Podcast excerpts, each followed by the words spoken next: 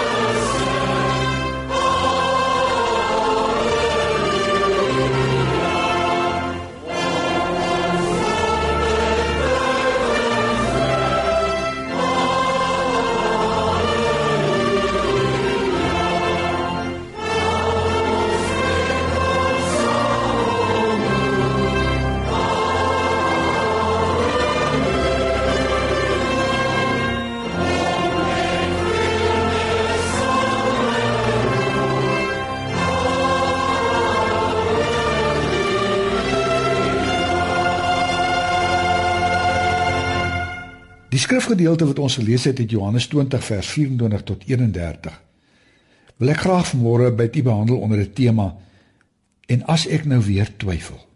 Wat gebeur as ek wat die ewige lewe het weer begin twyfel?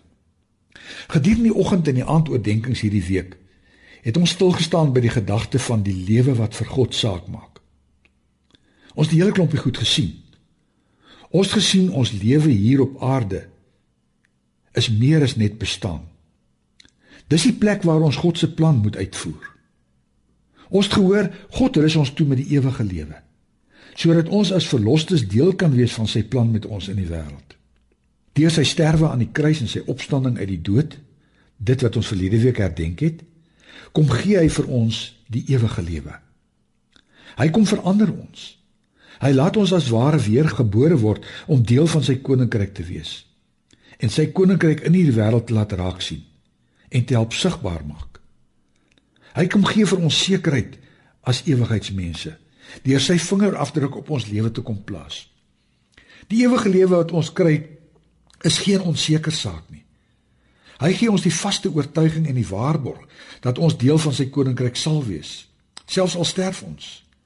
Soos alle mense sterf. Ons sal by hom wees as deel van die lewe, selfs na die dood. Wat 'n gerusstelling om dit te hoor. Dat selfs wanneer ons swaar kry en lewe in hierdie wêreld omdat ons sy koninkrykskinders is, dat niemand ons ooit uit sy hand kan ruk nie. Selfs nie die swaarste vervolging en selfs nie die dood nie. En omdat Jesus self die lewe gee en die lewe is, stel hy ons in staat om in alle omstandighede vol te hou om die lewe te laat leef wat vir hom saak maak. Die lewe wat sy saak en sy koninkryk in hierdie wêreld bevorder. Ons hoef nooit te twyfel as kinders aan die Here oor ons ewigheidsstatus nie. Dis nie iets wat ons ooit weer kan verloor nie. Maar nou ken almal van ons die werklikheid in ons geloofslewe. Daar kom tog tye waarin ons kritiese vrae begin vra. Wanneer groot krisisse soos branders oor ons spoel. As ek bly bid, maar my geliefde word nie gesond nie en sterf uiteindelik. Wanneer ek met die een of ander menslik ongeneeslike toestand moet saamleef. Wanneer duisende en een dinge net eenvoudig die wêreld rondom my begin donker maak. Dan begin ek vra vra. En ek begin wonder. Die ewige lewe in Jesus. Is dit werklik? Predikante praat oor geloofsekerheid, maar dit werk nie vir my nie. My vrae bly meer as die antwoorde wat ek kry. En gewoonlik wentel hierdie vraag oor die woordjie waarom. Waarom ek? Waarom my man? Waarom my vrou? Waarom kon dit nie mense gewees het wat ongelukkig is nie? Hoekom tref dit hulle nie? Ons was immers gelukkig. Waarom hoor die Here my nie? Is dit dan ook moontlik? Nee, is dit nog steeds moontlik om te kan weet ek is deel van God se leweplan. Sy ewige leweplan. Die plan wat hy my mee wil gebruik om sy koninkryk in die wêreld sigbaar te maak. Dit is vrae soos die wat mense in Thomas bly boei het. Waarom ons met sekere Bybelse figure soos Thomas volledig kan identifiseer. As ons sy verhaal lees, dat ons kan sê ek verstaan. Slim mense het Thomas op baie maniere probeer tipeer. Selfs die standaard uitdrukking het tot stand gekom die ongelowige Thomas. Jy kan selfs gaan Google met ongelowige Thomas en jy gaan antwoorde kry. Hulle het hom probeer tipeer as 'n pessimis, as 'n rasionalis, as 'n skeptikus. Teologies verskil mense oor Thomas. Party skrywers sien hom as mens wat net op sy eie voorwaardes glo. Ander sien hom bloot as 'n realistiese Christen wat soms rede het om te twyfel.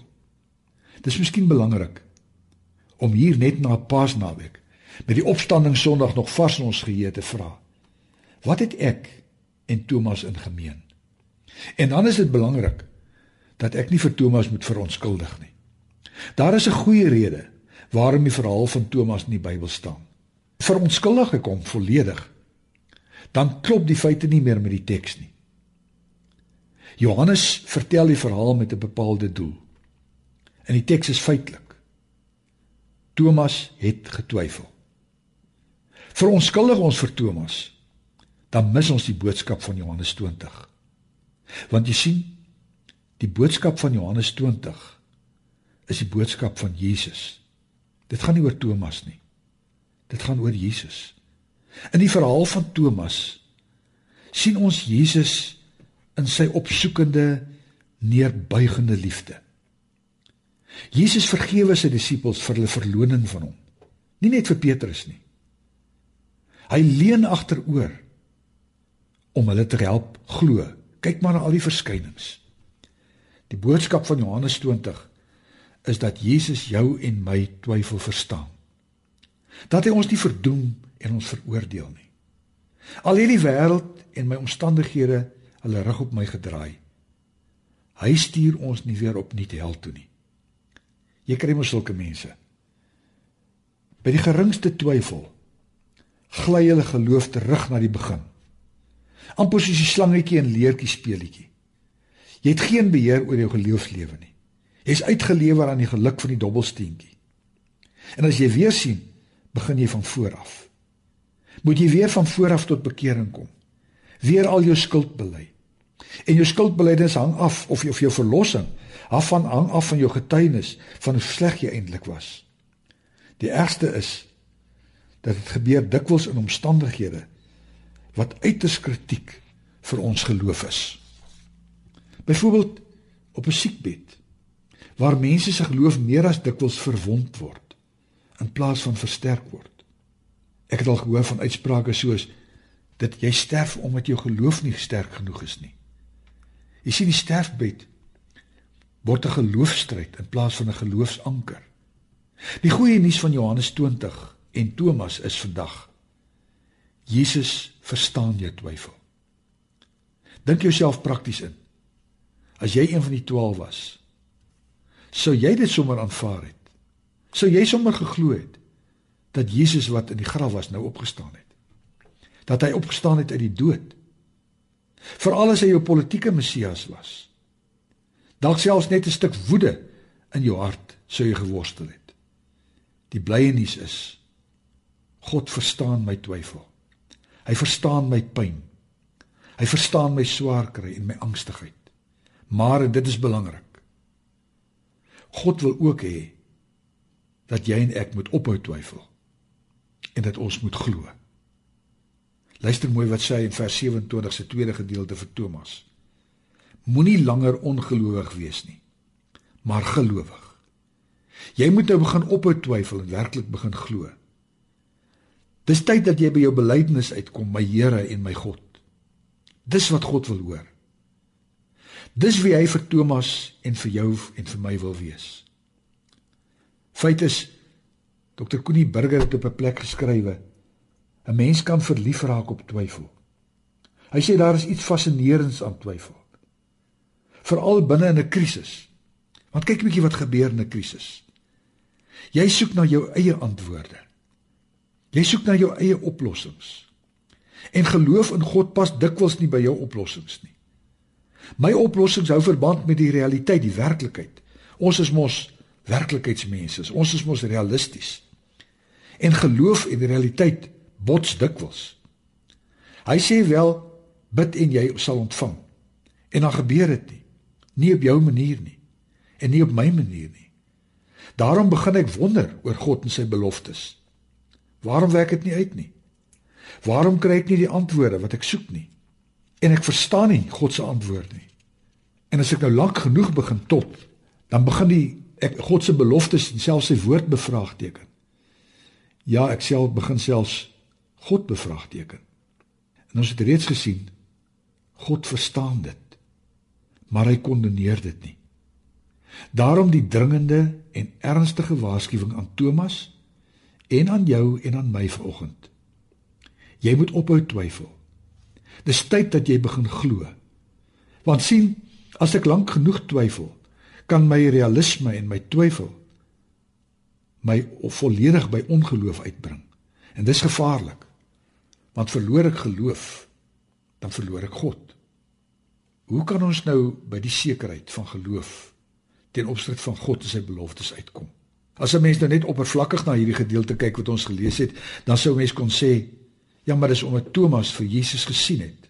Dit was te immer, immer sy voorwaardes. Hy het gesê, as ek hom nie sien nie, as ek nie die wonde aan sy aan sy hande en sy voete en sy sy sien nie, As ek nie my vinger in die lid, die kruis littekens kan sit nie, dan sal ek nie glo nie. As ek hom nie kan sien nie. Feit is sien kan jou wel by erkenning bring. Maar sien bring jou nie by geloof nie. Daarom sê Jesus: Salig is jy as jy glo sonder om te sien. Trouwens volgens die Bybel se definisie van geloof in Hebreërs 11 sê die Bybel vir ons geloof is juis om seker te wees van die dinge wat ek nie sien nie. Daar is iets meer. Nie net enigiemand wat my laat glo nie. Dit is Jesus wat my laat glo. Die feit dat ek en Thomas Jesus en sy woorde hoor. Dis wat hom laat glo. As ek Jesus en sy woord hoor, dan laat hy jou glo. Dit kan net Jesus doen. En dit wil Jesus kom doen. Daarom is dit so uiters belangrik dat ek aan die woord bly vashou. Al werk dit nie uit soos ek graag wil hê nie. Al verstaan ek dit nie nou nie. Al word my vrae nie nou beantwoord nie. Selfs al word my gebede en my versigtings nie volgens my wil verhoor nie. Dit neem nie Jesus se beloftes en die ewige lewe van my af weg nie. Ek wil afsluit met 'n laaste opmerking. Dis baie belangrik dat ons twyfel ook in verband staan met medegelowiges rondom ons. Kyk 'n bietjie wat gebeur met Thomas. Die hele verhaal van Thomas speel af binne die konteks van die klein oergemeente. Dis die gemeente wat Thomas wil oortuig. Maar Thomas gaan maak hom los van die gemeente. Volgens vers 24:25 was Thomas gewoon net nie daar nie. Waarskynlik doelbewus het hy besluit om by sy twyfel en met sy twyfel weg te breek van die gemeente. Dis wat ons doen. Dit is my altyd opvallend hoe mense wat in 'n diep krisis is, juis dikwels van die gemeente af wegbly. Hulle self van hulle selgroep onttrek. Hulle self van 'n geloofsgemeenskap af onttrek. Eerder is juis dit by te woon. Mense wat hulle hulp en ondersteuning aanbied, dikwels wegwys. En die rede dis die realiteit. Dis die werklikheid. En dan maak ek realiteit, my werklikheid, groter as die gemeente. Ek raak krities en leerlik teenoor die gemeente. Want ek moet my twyfel op iemand projekteer. En ek bly weg daarom van die geloofsgemeenskap. Die wonderlike is dat Jesus juis die gemeente gebruik. Jesus gebruik medegelowiges om my en jou se twyfel en ons ongeloof te besweer. My medegelowiges wil hy gebruik om my ongeloof en my twyfel in 'n ander rigting te stuur. Hulle praat met Thomas. Hulle probeer hom oortuig. En dan verskyn Jesus weer in die konteks van die gemeente. Dis waar hy sy liefde en sy teenwoordigheid laat ervaar. Daar waar 'n gemeente Jesus se hande en voete word wat hom voelbaar maak in die wêreld. Daar verdwyn jou twyfel. Want daar hoor ek weer sy stem. Jesus begryp jou twyfel, maar hy kondeneer nie jou twyfel nie. Jesus wil vir jou en my oortuig om te glo en nie my twyfel ongeloof te laat word nie. Hy kom staan ver oggend weer 'n slag voor jou en hy praat met jou. Elke keer wanneer ek die woord hoor en lees, selfs oor die radio, as ek sy stem hoor en sy woord, dan is dit sy stem. Dis Jesus wat my praat. Want hy leef in sy gees ook in my gemeente. Moenie Jesus en sy woord en die gemeente miskyk nie. Jesus wil jou vanoggend hoor sê, my Here en my God sonder twyfel. Here ons Vader, dankie dat ons nooit hoef te twyfel aan die ewige lewe wat U vir ons kom moontlik maak het nie. Dankie dat selfs onder die moeilikste omstandighede ons aan die beloftes van U woord en die ewige lewe mag vashou.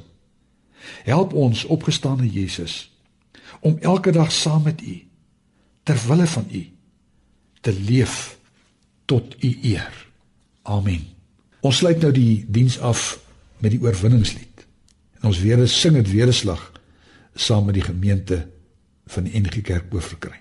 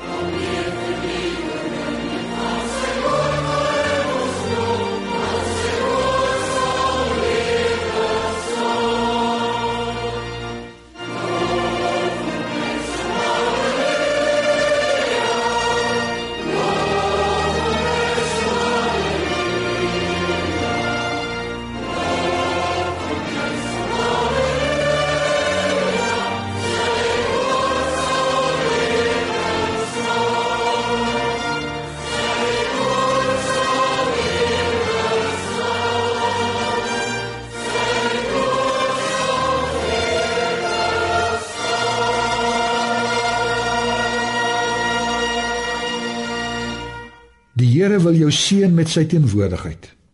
Gaan nou glo en gaan leef die lewe wat vir hom saak maak sonder om te twyfel.